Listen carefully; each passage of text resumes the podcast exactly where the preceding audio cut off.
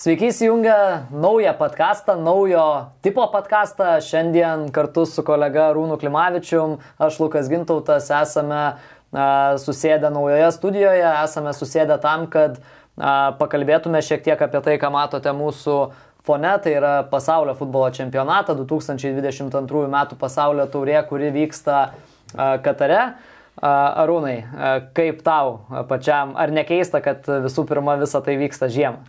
A, tikrai keista ir a, suprantame, kad tai pirmas kartas, a, bet turbūt dar keiščiau galbūt, kad iki pasaulio čempionato turbūt girdime žymiai daugiau kalbų ne apie futbolą, apie įvairias teisės ir apie lygias galimybės, taip kad atrodo visi laukime futbolo, bet kol kas daugiau naujienų iš kitų sferų nei iš futbolo viena iš tokių naujienų, kad Katare bus draudžiama vartoti alkoholį, tai bent jau traškučius galim naudot. Tai čia turim uh, traškių pomidorų, žaliųjų citrinų, aitriųjų paprikų ir kalendrų skonio kukurūzus. Arūnas turi padažo, tai pabandysim paskanauti, paragauti. Uh, manau, Katare tie, kas alkoholio vartoti negalės, uh, su traškučiais taip pat galės Ai, Lukai, skaičiau dėl alkoholio, tu žinojai, kad e, Katare, kad nusipirkti žmogus alkoholio yra tik viena parduotuvė Katare ir reikia gauti iš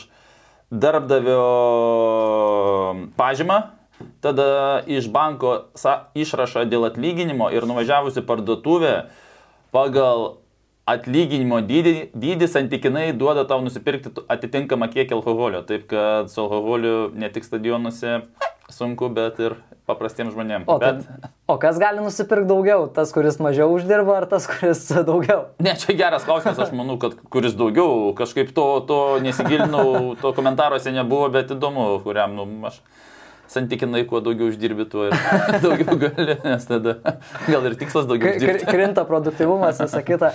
Kaip be būtų, čempionatas, ką Rūnas ir minėjo, tai tikrai daug tokių pašalinių dalykų, girdime kalbas apie, na, ką jau girdime dešimt metų, apie įvairius papirkinėjimus, apie kyšius. Net ir prieš pirmasias čempionato rungtynes buvo kalbama apie tai, kad Kataro šeikai yra pasirengę sumokėti pinigus Ekvadoro žaidėjim, kad šie pralaimėtų pirmasias rungtynes. Taip, beveik 8 milijonai eurų. Tai iš ties skamba neįtikėtinai. Ir apskritai turbūt, ar ne, čempionatas viduryje sezono, čempionatas kaip dar prieš savaitę, prieš dvi futbolininkai žaidė už savo klubus, žaidė uh, vietiniuose čempionatuose, klubinėme futbole.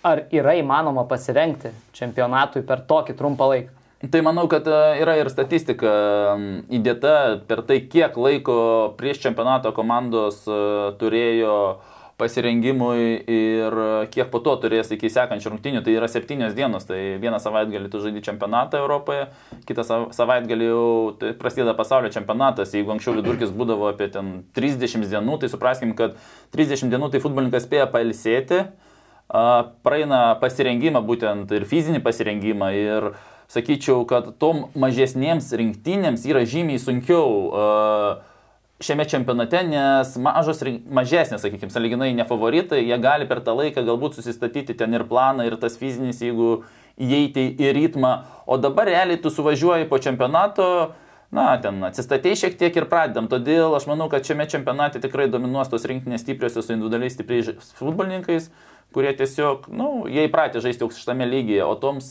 sakykime, saliginai mažesniems šalims bus žymiai sunkiau, nes tiesiog jie susirinko kaip į atrankinį ciklą Ir, na, atrankin, tai bus atrankinis ciklas, galbūt jis ilgesnis ar trumpesnis, ties grup, grupių, po grupių baigsis ar ilgiau užtruks, nu, tom santykinai tokiom vidutiniam, tai ilgai ir tas nesitės čempionatas. Todėl toks, na, nu, joms bus kaip atrankinis ciklas, toksai va, po savaitės susirinkai ir žaidžiam. Matysite tą statistiką savo ekranuose, tai galima palyginti. Į Katarą komandos ruošiasi septynias dienas ar ne. Visur kitur, kaip galite matyti, tai trukdavo apie 30 dienų, 30 kelios dienos, matome, Junktinėse Amerikos valstijose ir 40 dienų po klubinio sezono gavo komandos pasiruošti, tai tas skirtumas yra tikrai labai labai didelis. Ir kitas dalykas, jau kas laukia po čempionato ar ne, tai yra po 8 dienų, prabėg, pasibaigus čempionatui, praeis 8 dienos ir uh, Premier lygoje Anglijoje futbolininkai vėl turės rungtyniauti. Taip pat ir dar kita lentutė, kur matome būtent pagal šalis, pagal sužaistas minutės. E, tai kaip matome, būtent tos futbolo šalis, na, ten Koreja dar įsipaišius yra, bet e, bendrai tie, tie, tie lyderiai ir yra sužaidė daugiausiai minučių, kur, na, saliginai didžiausią krūvį turėjo, o paskutinėje vietoje matom Kataras, kuris realiai praktiškai prasilsėjo ir žinome, kuo pirmosios rungtynės jiems ir baigėsi. Kataras beje apskritai dar rugsėjo mėnesį sustabdė savo čempionatą. Viename klube žaidžia beveik visas Kataro rinktinės pagrindas ir iš esmės tai ir leido Kataro rinktiniai turėti tą, sakykime, taip kokybišką pasirengimą. Na, aišku, vėliau matysime, kuo tos rungtynės pasibaigė ir uh, pasirodo, kad to neužtenka. Bet uh, nežinau, Rūnai, kaip e, tu, kaip buvęs futbolininkas, aišku, su Lietuvos rinktinė, ne, galbūt ir negalvojate apie patekimą į pasaulio čempionatą, apie realius šansus, negalvojame apie tai ir dabar, nors tai aišku yra svajonės, bet uh, kaip futbolininkam, ar nepraranda tokie dalykai, kai, kai vyksta tokie dalykai, ar nepraranda tie čempionatai savo žavesio, nes, pavyzdžiui, aš kaip iš futbolo gerbėjo pusės, žiūrėdamas galiu pasakyti, nu, lemba, nėra to tokio kaip sakyt, laukimo, žinodavai vasarą, baigėsi klubinis futbolas, tu lauki vasaros, nes bus rinktinės, vyks čempionatai.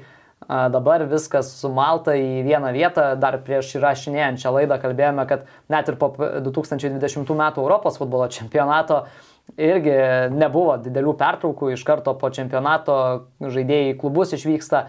Tai kaip tu matai visą šitą situaciją? Lažybos, lažybos, lažybos, optibet. Dalyvavimas azartiniuose lošimuose gali sukelti priklausomybę. Nu tikrai, kai kurie futbolininkai turbūt neatsimena, kada atostogas turėjo. Uh, todėl galbūt va, tas ir laukimas, tokia pauzė prieš čempionatą mums, sakykime, stelkdavo pasiruošti ir, ir laukti to kaip kažkokio renginio. O dabar, nu, praeitą savaitgalį žiūrėjom uh, rungtynės Europoje ir dabar tie futbolininkai pakankamai greit suskrydo. Uh, ir jau yra Katare, todėl kaip, nu, kaip per daug futbolo irgi blogai, kaip be pauzė, pripažinkime, bet pripažinkime, pats svarbiausias, tai kai kurie futbolininkai turbūt tikrai neatsimena, kada turėjo atostogas. Gerai, galim turbūt perbėgti trumpai per kiekvieną grupę. Pradėkim nuo A. Jau mūsų minėtas Kataras, Ekvadoras, Senegalas ir Niderlandai. Niderlandam tai yra sugrįžimas į pasaulio čempionatą po pertraukos. 2010 tai komanda, kuri žaidė ir pasaulio futbolo čempionato finale. Senegalas, Afrikos čempionai, Kataras, kaip jau minėjome, šeimininkų teisėmis ir Ekvadoras pro Pietų Amerikos. Atranka praėjo, ketvirtą vietą užėmė joje. Korūnai galbūt iš šitos grupės lauki, tikiesi ir ar čia gali būti staigmenų? Aš manau, kad Niderlandams pasisekė su šia, šia grupe ir manau, kad uh, Jeigu taip, Niderlandai gal ir nėra čempionato favoritai, bet iš grupės jie tikrai, manau, turi išeiti. Luisas Vangalas, kaip ir prie paskutinių, kažkada anksčiau buvo prie jo kažkokie pasiekimai, taip kad ir... ir dabar, tada nebuvo vienu metu, dabar taip, vėl gali. Dabar būti, vėl, vėl gali tas pats būti, taip kad su treneriu tikrai siejamos tos viltis. Uh, Kataras, aišku, pagal statistiką pradžioje tikrai ta pirma komanda, kuri pralašė būdama šeimininkais. Jo, tai kai mes dabar žinome, jau matome, kad uh, turbūt ši komanda liks uh, paskutinė su tai, kokią futbolą demonstravo pirmosios rungtynėse. Nemanau, kad jie turi didesnį potencialą. O dėl antros vietos, aš sakyčiau, vis dėl Ekvadoras tikrai šien, šien, su Senegalu pakovos ir, ir manau, tarp tų trijų komandų čia faktas, kad spręsis tai, kas išeis iš grupės. Užsiminė Arūna apie tai, kad e, iki šiol čempio, e, tai yra šeimininkams čempionatų ta statistika būdavo palanki ir jie nepralaimėdavo tų atidarimo rungtynių. Tai dar vienas įdomus faktas, kad per 21 pasaulio čempionatą 20 kartų šeimininkai patekdavo į kitą etapą. Tai šiemet irgi šviečiasi antras toks kartas, kad... Na, aš ir prieš čempionatą, ir prieš šias rungtynės nestačiau ant jų, kad išeis. Tai čia, man atrodo, buvo tik tai, nežinau, kas galėjo prognozuoti, kad Kataras išeis iš grupės, nu, sunkiai, sunkiai. Gerai, e, kita grupė, B grupė, joje Anglija, Iranas, Junktinės Amerikos valstijos ir Velsas. Tokia, uh, man nežinau kodėl, bet norisi Junktinės Amerikos valstijas priskirti prie to tokio britiško futbolo. Gal dėl, dėl kalbos. Dėl kalbos, jo, bet uh, turbūt Amerika vis tiek žaidžia visai kitokį futbolą ir sakyčiau, bent jau man asmeniškai tai yra viena tokių įdomesnių rinktinių. Jauna komanda, kuri turi dabar daug tų ateinančių jaunų žaidėjų, kurie iš Amerikos, iš Junktinių Amerikos valstybių lygos persikelia čia į Europą, žaidžia Vokietijos Bundeslygoje, žaidžia Anglijoje. Ką tu manai, Arūna, apie šitą grupę? Na turbūt čia daugiausiai kalbų bus apie Angliją, kaip, kaip žymiausia ir brangiausia rinktinė pagal sudėti, sudėti esančius futbolininkus. Home or not? Taip kad uh, sunku su, su anglais, nu taip ir yra, sunku su jais prognozuoti, nors paskutiniu metu jie tikrai parodo kažką ir, ir, ir džiugina galim sakyti, kad fanus, bet e, pas juos visą laiką yra tas, nu, tą medinį bairį, atsiminkim, kur kai iškris už ką siriksi. Taip kad sirksiu aš už Angliją, kaip ir Europos čempionate, ir šiame, bet prisidės Argentina. Bet e, kas po to, tai po to ir man lieka Argentina. Turbūt daugiausiai šioje grupėje nieko nežinom apie Iraną, ar ne? O kitas įdomus dalykas, Velsas per pastaruosius čempionatus, kuriuose dalyvavo Velso rinktinė, tikrai atrodo pakankamai solidžiai, galbūt nežaisdama to gražaus futbolo, bet uh, tai yra rinktinė, kuri savo na, pasirinktų žaidimo stiliumi sugeba pasiekti rezultatų. Tai galvoju, kad nu, Anglija vis tiek turėtų būti pirma komanda šioje grupėje, bet dėl tos antros vietos ir kelialapio į kitą etapą. Iranas ir Velsas. Tikrai. Ir Amerikos net meščiau tikrai lygiai. Na, nu, aš vis dėlto pasilikčiau turbūt Iraną ir Velsą, nes ir mm. Iranas tikrai pakankamai prieš tai draugiškas, kontrolinėse rungtynėse pakankamai sėkmingai pasirodė, taip kad aš vis dėlto Junktinės Amerikos valstijas, man atrodo, kad gali grėsti ir ketvirtą vietą. Uh, toliau C grupė, joje minėta Rūno Argentina, Saudo Arabija, Meksika ir Lenkija. Čia turbūt klausimų neturėtų kilti, ar ne? Na, čia manau, neturėtų kilti klausimų dėl pirmos ir aš sakyčiau paskutinės vietos. Vis dėlto Saudo Arabija, kuri, kuri visi futbolininkai žaidžia vietiniam čempionate tas pats kaip su Kataru. Žinome, kaip Kataras sužaidė pirmasis rungtynės ir kai tu žaidži savo, savam tam čempionate, savose sultise, tu gauni tą atlyginimą, tas atlyginimas greičiausiai tenkina, kad iš, išvykti iš, iš šalies, iš tos komforto zonos tau nesinori, o futbolininkas tobulėja tada, kada jisai konkurencijoje laimi kovą, o ne dėl to, kad jis turi pasą ar Saudo Arabijos, ar Kataro. Todėl uh, Meksika su, su Lenkija, va, būtent tie, aš manau, tarptų dviejų komandų ir bus viena, kuri pateks į kitą etapą. Be abejo, pati, labiau patyrusi Meksikos yra ekipa, tikrai daug patyrusių futbolininkų. Ir jie per tuos čempionatus irgi įprastai sugeba sublizgėti, atsiranda ten kažkoks vienas kitas talentas, tai irgi bus labai įdomu žiūrėti, kaip šitai rinktiniai seksis. O Robertas Lewandowskis, Lenkija, bus įvarčių. Įvarčių bus, bet klausimas, ar užteks tiek, kad išeitų į kitą etapą. A, toliau D grupė ir joje titulą ginantis pasaulio čempionai prancūzai, Australija, Danija ir Tunisas. A, turbūt taip žiūrint iš euro, europietiškų pozicijų irgi nelabai kyla klausimų, ar ne? Prancūzija ir Danija dvi tikrai labai pajėgios Europos komandos, kurios a, ir Europos čempionate gerai atrodė prancūzai, kaip jau minėjome, pasaulio čempionai, e, nors ir neteko berots prieš porą dienų Karimo Benzema, Benzema. geriausio e, šių metų pasaulio futbolininko, aišku, nuostolis didžiulis, bet man atrodo, kad Prancūzijoje talento yra tiek, kad uh, kad jie turėtų vėl keliauti gana toli, nors su ta pačia Danija tikrai turėjo bėdų ir tautų lygai. Aš tikrai manau, kad būtent šioje grupėje dvi komandos, Prancūzija ir Danija, yra tos favoritės, kur nu, greičiausiai turi išeiti, bet dėl prancūzų aš kažkaip nelaikau bendrai čempionato favoritais. Nes vis dėlto Pogba ir Kante vidury tai nėra lygų čia omeny ir Kamavinga. Taip kad... Nu, bet Madrido Realo duetas. bet aš, teisingai, tai Madrido Realo duetas dėl to truputį ir mane gazina, aš man jis, jie kol kas neimponuoja kaip, sakykime, labai stiprus futbolininkai. Tie, kurie aukštame lygyje sugebėtų apžaisti dar aukšto lygio saugus. Mm. Būtent tai yra taip, realo futbolininkai. Bet aš manau, aš kažkaip, aš manau, realo fanai galbūt, aš sakyčiau, tikisi daugiau iš jų, nes e, jeigu imkim tuos lyderius, tuos, apie kuriuos kalbam, kurie laimi auksinį kamolius, ta prasme, tai jie tikrai dar netempė ir labai įdomu, kaip atrodys tarp tikrai stiprių rinktinių, ar tie jauni futbolininkai sugebės ne tai, kad išlaikyti ten kažkokį pagrindo lygį, bet kad ar temti prancūzijos rinktinį į priekį, čia yra didelis klausimas. Toliau E grupė - Ispanija, Kostarika, Vokietija ir Japonija. Tokia iš pažiūros tikrai pakankamai stipri grupė, kurioje jeigu ankstesnėse grupėse galėjom iš karto numatyti, kas ten gali būti pirmie, antri, tai čia vien dėl tos pirmos, antros vietos bus didžiulė konkurencija tarp Ispanijos ir Vokietijos. Na ir žinom, kaip japonai dažniausiai irgi tokius čempionatus atvažiuoja ir e, kaip atrodo su savo na, tokiu vėlgi specifiniu futbolu sugeba demonstruoti tam tikrus rezultatus. Tai aš manau, kad irgi čia klausimų dėl pirmų dviejų vietų žiūrint į šalių koficientus ir reitingus nėra. Ir aš dar toj, toj grupėje tikrai paminėsiu, kad yra tikrai įdomių jaunų futbolininkų.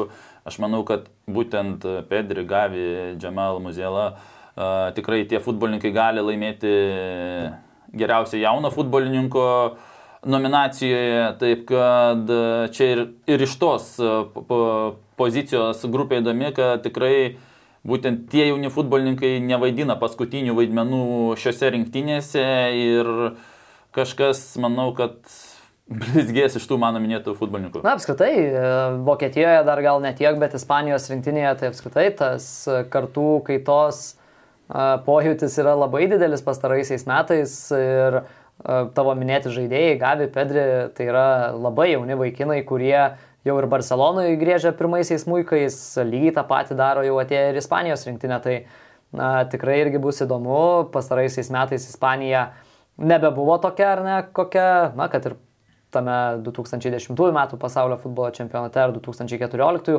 tai irgi bus tikrai, tikrai, sakyčiau, daug intrigos šitoj grupėje ir labai daug kas gali priklausyti tiek patiems ispanam, tiek patiems vokiečiam, uh, būtent nuo rungtynių su Japonija, man atrodo taip. Ir kitas dalykas, antra vieta labai gera šioje grupėje, tai va, jei Ispanija ar Vokietija užimtų, tai tuose pirmosiose stadijose išvengia Argentinos, Brazilijos, taip kad čia antra vieta. Tai sakai, gali nežaisti dėl pirmos vietos? Klausimas, čia antra vieta šioje grupėje tikrai yra labai gera, dėl to žiūrint į tolesnį tinklelį. Gerai, F grupė - Belgija, Kanada, Marokas ir Kroatija. Kroatai žaidė 2018 pasaulio čempionato finale, Belgija am, amžinai tarp favoritų auksinė karta, auksinė karta kuri, senstanti. Jo, senstanti, kuri nieko taip kol kas ir nelaimėjo. Kanada taip pat su pakankamai, ke, su pakankamai keletų jaunų, labai gerų futbolininkų, futbolininkų talentingų, bet nei, nei kanadiečiai, nei Marokas, man atrodo, nelabai turi savo argumentų šioje grupėje prieš, prieš Europos komandas, nors teko žiūrėti nemažai įvairių apžvalginių laidų, sekti apžvalgininkų komentarus, tai Marok, Marokui iš tikrųjų žadamas gan geras čempionatas. Tai jeigu jiem geras čempionatas, vadinasi, kažkurios iš tų Europos komandų gali nebūti atkrintamosios. Na, manau, kad F grupė tokia man asmeniškai turbūt neįdomiausia kartu su A, sakykime, nes tokių, tokių grandų, tų favoritų turbūt nėra, bet taip, Marokas tikrai užtikrintai pateko į Katarą. Kroatija tikrai puikus nacijų turėjo galas, puikiai serija. Na, kaip minėjai, Belgija senstanti auksinė karta, kažką, o Kanada, nu, manau, kad jų pasiekimas, kad jie ir pateko į, į, į čempionatą. Todėl kažkokių labai, kaip tu minėjai, turbūt Marokas bus ta, kuri patenka ir dėl Belgijos ir Kroatijos spręsis antros vietos likimas. Toliau G grupė - Brazilija, Serbija, Šveicarija ir Kamerūnas. Šveicarijos rinktinė mums visai neblogai pažįstama, Lietuvos rinktinės kova stebintiems žiūrovams. Ar gali šveicarai čia pakaišioti pagalių į ratus brazilam, tiem patiems serbam, kurie apskritai yra vadinami ir iš jų vadinami kaip galimi juodieji arkliukai ir iš jų yra tikimasi tikrai labai daug šiame čempionate. Žinome, kad ir Kamerūnas tikrai turi pakankamai daug talentingų, fiziškai stiprių žaidėjų. Ir apskritai, vėlgi čia toks gal nuokrypis nuo pačios grupės, bet a, apie Kamerūno ir apie kitas Afrikos rinktinės kalbant, a, kiek gali tie jų fiziniai duomenys duoti ir kaip tauta mintis, kad a, būtų įdomu pamatyti čempionatą, kuriame, tarkime, už tas Afrikos šalis žaistų tie žaidėjai, kurie, na, dabar yra pasi, pasibarstę po Europos valstybės, tarkime, po Prancūziją ir kitas. Na čia toks, kas būtų, jeigu būtų, ne? Tai A. jo. Įdomu būtų, bet aš paminėsiu gal kitą dalyką, kad jeigu tai Brazilija, kaip ir minėjau pradžioje, kad būtent individualus stiprus futbolininkai atakui, kur galbūt nereikia tų labai stiprių komandinių veiksmų, ypač tuose pirmuose, kur pakankamai nulėmė, individualus mistriškumas, tai Brazilija šiame kontekste tikrai yra labai, labai stiprus. O Serbija tikrai daug kas mini kaip stipriai ir aš dar pabrėšiu tokį faktą, kad būtent dabar tie žaidžiantis futbolininkai rinktiniai, tai yra futbolininkai laimėję euro pas, per paskutinį dešimtmetį, kurie jauni būdami laimėjo euro U19 ir pasaulio čempionatą U20. Taip kad e, jie jauni jau buvo pasaulyje stipriausi jie dabar užaugo. Taip kad galbūt ir iš jų nesitikima, kad jie bus ten pasaulio čempionai, bet supraskime, kad jie žaidė su panašaus, su tais pačiais futbolininkais, kur dabar žaidžia jauname amžiuje ir e, juos yra įveikę. Taip, dabar žaidžia Serbija tikrai, tie futbolininkai visi ger, tikrai gerose klubuose, galbūt nėra, na, saliginai nėra tokie žvaigždės, galbūt kaip Ronaldo, Messi, Neymaras, sakykime, bet supraskime, kad tie futbolininkai yra jau laimėję jauname amžiuje ir turi patirties pakankamai ir būtent tas dabar iš dalies pikas jų tos karjeros, e, Serbija tikrai daug kas laiko ir laukia iš jų pakankamai gerų rezultatų. Bet su Serbija dažnai būna, kad iš jų dažnai laukia, bet uh, gale gaunasi ne visiškai geri rezultatai. Su Kamerūnu, nu Kamerūnu man kažkaip siejasi Samuelis Eto, kuris yra federacijos dabar prezidentas ir apie Kamerūną, na, man būtent tas, na, įkvėps gal vyrus. Ir paskutinė grupė, H grupė, Portugalija, Gana, Urugvajus ir Koreja. Turi mm. savus favoritus čia. Su Portugalija turbūt įdomiausiai bus e, po Ronaldo interviu ir visų jų sėdėjimų. Manau, kad čia būtent tas ir akcentas bus ir žiniasklaidos, ir visų, visų čempionate dalyvaujančių. Ar Ronaldo parodys čempionate, kad jis nepelnytai sėdi Mančesteryje ant suolo, ar tai bus nusivylimas, ar tai bus vėl e, kapitono raišio metimas ant aikštės, kas irgi gali būti tikėtina, taip kad e, būtent ta grupė turbūt su Ronaldo žiūrėsim, seksim jo emocijas ir pareiškimus socialinėje erdvėje. Šiaip e, įdomus kampas, nes komandos draugai tai šneka, kad Ronaldo yra fantastiškos formos ir kad yra pasiruošęs uh, patriukšmaučiau tam čempionate, kuris vėlgi tikėtina, kaip ir nekalbėjome apie Leo Messi, bet tikėtina, kad tiek vienam, tiek kitam tai gali būti paskutiniai pasaulio čempionatai. Na, dažnai būna, kaip futbolininkų nesiseka, kiti labai palaiko jį, tai kad nebūtų čia tos situacijos. Nu, sako, gerai, tu žaidai gerai, nors iš tikrųjų. gerai. Galime pereiti turbūt ir prie tų pirmųjų šio čempionato rungtynių, atidarimo rungtynės Katare šeimininkai prieš Ekvadorą. OptiBet, lažybos, lošimo automatai, ruletė, kortų lošimai, stalo lošimai. OptiBet, OptiBet. Dalyvavimas azartiniuose lošimuose gali sukelti priklausomybę. Arūnai, kokį čia tą padažiuką atidarėjai? Aš nežinau. Artimiausia prie manęs.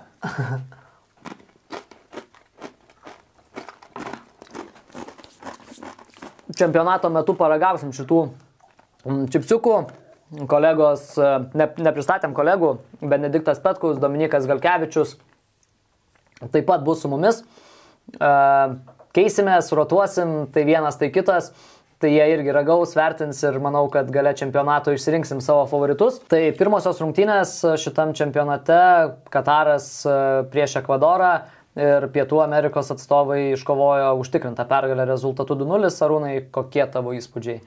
Po Na, šių pirmųjų rungtynių? Jeigu prieš rungtynės e, būtumėm pažvelgę į FIFA reitingą, tai Ekvadoras stovi 44, o Kataras 50. Ir e, kaip suprantame, tam 200, 220 kiek komandų yra reitingė ir 5 pozicijų skirtumas, tai pagalvotumėm, kad greičiausiai tai yra labai panašios rinktinės. Nes tai vis dėlto yra 50-uko Kataras rinktinė, bet kaip aš visą laiką sakau ir kartais, kai su Lietuva lygina visokias salas, aš reikia atskirti Aziją, Pietų Ameriką, Europą ir būtent išsisijoti, būtent tas šalis pažiūrėti, kas tarp kaimynų tu stovi. Todėl šiandien pamatėme, kad Ekvadoro futbolininkai visais savo gabaritais buvo žymiai didesni ir na, tiesiog pervažiavo per Katarą ir visas tas pasiruošimas. Su kuo važiavo, su kataračiais ar su kuo? Nu, su volu, sakykime, pervažiavo. Ir e, turbūt Katar e, pastatė į ketvirtą vietą grupėje ir mažai kas turbūt daugiau kažko iš šios komandos ir tikisi, nors ten kaip rodo ta statistika, tik antras kartas teisingai bus, jeigu neišės. Taip, tai greičiausiai taip ir bus antras kartas. Mm, bet pradžia tikrai prasidėjo įdomiai su varu ir kaip ir žiūrėjome, įmušė įvartį ir iš pradžių aš ant juoko sakiau, kad ne, rasim, ras nuošalę. Nors ant juoko aš sakiau, bet netikėjau tuo, nes nu, neįsivaizdavau, kur galima rasti uh, nuošalę, bet... Uh, kaip tik turime stop kadrą. Kaip tik turime stop kadrą ir... Uh, Trumpai galima nupasakot, nuo ko viskas prasidėjo, ar ne? Tai ilgas perdavimas. Nuo standartinės situacijos, pozicijos. kitoje net aikštės pusėje pastatytas kamolys ir čia jau yra epizodas, kai tą iš ten siūstą kamolį uh, būtent vartininkas bando išmušti. Ir matome, kad žemiausias esantis futbolininkas nuo kelio visą koją yra nuošalės pozicija. Taip, vartininkas aukščiau, bet futbole du vartininkas yra lygus gynėjui. Tai įsivaizduokime, kad paskutinis yra vartininkas, po to gynėjas, nes turi du futbolininkai būti arčiau. Čia kaip kieme, paskutinis su rankom. Jo, paskutinis taip, bet kieme su rankom gal ir galime, čia negalime. Bet vartininkas prilyginamas gynėjui. Todėl šioje vietoje parodė nuošalą tikrai žiūrint iš kitų kamerų, na, visiškai vaizdai skirtingi. Na, šitą irgi matome, kad koja išlindus ir kitas dalykas, kad šiame čempionate kamuolys yra su davikliais. Ir tie davikliai reaguoja paskutinį prisilietimą kamulio ir su, su, suveda vaizdus į, į linijas, sugretina ne tai, kad kada sustabdo tada ir, ir tu žiūri tą liniją. Čia yra viskas automatiškai, todėl jeigu iš pradžių man tikrai tokių visokių minčių buvo, bet kai mes e, truputį vėliau panagrinėjom visas nuotraukas, visas įsiaiškinom, sakykime, tuos, tuos faktus, e, sunku nesutikti. Aišku, Nors realiai turbūt teisėjas e, be VAR sistemos pagalbos tokioje situacijoje, nu, be šansų Tai Lukai, mes ir patys penkias minutės ieškojom iš visų kamerų. Tik tai aš sakyčiau, ko norėjosi, norėjosi rungtynių metu, kad būtų pateiktas vaizdas iš tų kamerų greičiau, nes... Nes iš esmės, ką minučių... transliacijoje matėm, tai buvo po jau viso to epizodo, po kažkurio praėjusio laiko štai šitas stop kadras. Tai ir šitą man neužtenka, kur, mes nes, nes paskui nagrinėjom, kuri čia pozicija, kurioje čia vietoje tą nuošalę rado. Tai būtent aš manau, kad su tiek kamerų reikėjo greičiau parodyti žiūrovams, nes po to 20 minučių buvo juokeliai, tai kad Kataras uh, greitai pasakė jausinė, kiek ten kas, kam atneša. Taip kad uh, šiuo klausimu norėjusi greitesnio vaizdo ir dar kitas dalykas, kur, ko, ko norėjusi. Tai parodyti, ar tikrai Ekvadoro futbolininkas sulašė galvą, ar ne, ne gynėjas, ar ne vartininkas iškumščiavo tą kamuolį. Nes jeigu vartininkas iškumščiuoja, na, suprantame, kad e, nuošalės nėra. Tai va būtent tų kelių veiksmų greičiau TV transliacijų ir norėjosi, nes mes suprantame, kad ant tiek kamerų ir ant tiek technikos, kad privalo operatorius parodyti tą vaizdą, kad žiūrovai nu, per pirmas penkias minutės suprastų, kad tai yra nuošalė, o ne 30 minučių juoktųsi, kad uh, nu, kad Katarė žaidžia, tai ir, ir čia jiems padeda. Tie 8 milijonai eurų. Jo, tie 8. Gerai, kitas epizodas. E, įvartis nebuvo įskaitytas, bet jau visai greitai, už beveik 15 minučių, 11 e, m baudinys. E, matome pagal stop kadrą, nekyla turbūt jokių abejonių. Eneris Valencija nusprendė apeidinėti vartininką. Vartininkas grūna, kabina kojas ir Ir 11 m baudinys. Tai aš čia jokavau, kad kažkas per anksti bėgs ir jeigu įmuš įvarduos pakartot. Bet uh, kai mačiau, Ekvadoro net ne, nebėgo, uh, kaip čia, damušti kamulio, pasiliko ant, ant linijos ir įvartis užskaitytas. Ir antrojo Ekvadoro įvarčio epizodas, taip pat ataka, kuri prasidėjo ilgų perdavimų į kraštą, vėliau atmestas kamuolys ten dešiniajame kampe esančiam uh, futbolininkų ir perdavimas į baudos aikštelę. Rūnai, kas čia yra per situaciją? 13 numeris Eneris Valencija mušė galvą, pelnė įvartį. Ar galėjo Kataro rinktinės gynėjai kažką padaryti šioje situacijoje geriau, gintis kažkaip kitaip, išsi, išsirikiuoti kitaip, kad būtų maksimaliai apsunkinę tą epizodą Valencijai. Nu, tai jeigu įvartis įmuštas, tai galėjo kažką padaryti, pripažinkim nuo to. Netgi tas gynėjas, kuris viršuje matome arčiau kraštinio teisėjo, kuris laužo liniją, bet matome, netgi jeigu jis būtų ir pasikėlęs, nuošalės vis dėlto nebuvo. Tai čia pagrindinė pozicija bloga yra dešinio gynėjo antro numerio, kuris, na, sunku atsakyti, kurį žmogų kontroliuoja. Na, greičiausiai dešimtais kontroliuoja, bet reikia suprasti, kad prieš jį dar du futbolininkai, tas pats Valencija, kuris stovi jam už nugaros, jisai per aukštai pasikelia visų pirma, stipriai per aukštai. Jeigu jis būtų linijoje, na, Valencija būtų žaidęs korpusu, jis sužaidęs būtų į Valenciją korpusu ir manau tikrai buvo galima įvarčio išvengti. Tikrai tokia keistoka pozicija, kur prieš tave nėra žmogaus, tu laužai liniją, na tiesiog reikėjo sėsti su centro gynėjais į vieną liniją ir manau, kad šio įvarčio tikrai galėjo Kataras išvengti. Tai tokia ta pirmoji mūsų diena, pirmoji mūsų analizė jau rytoj. Tai yra, pirm... tiksliau, šiandien laidą jau žiūrite šiandien, tai yra pirmadienį, mūsų laukia dar trys mačai, tai yra Anglija prieš Iraną ir Junktinės Amerikos valstijos prieš Velsą, tai yra B grupės mačai ir taip pat šios grupės rungtynės tarp Senegalo ir Niderlandų. Tad ačiū visiems žiūrėjusiems, toks buvo pirmasis mūsų epizodas. Arūnas Klimavičius, aš Lukas Gintautas, artimiausių metų šiuose podkasto plus pasaulio taurės epizoduose galėsite išvysti ir Dominiką Galkevičių, Benediktą Petku. Tad būkite su mumis, rašykite savo pastabas, komentarus, duokite mums grįžtamą į ryšį ir viso šio čempionato metu būsime kartu. Iki. OptiBet, lažybos, lošimo automatai, ruletė, kortų lošimai, stalo lošimai. OptiBet. OptiBet. Dalyvavimas azartiniuose lošimuose gali sukelti priklausomybę.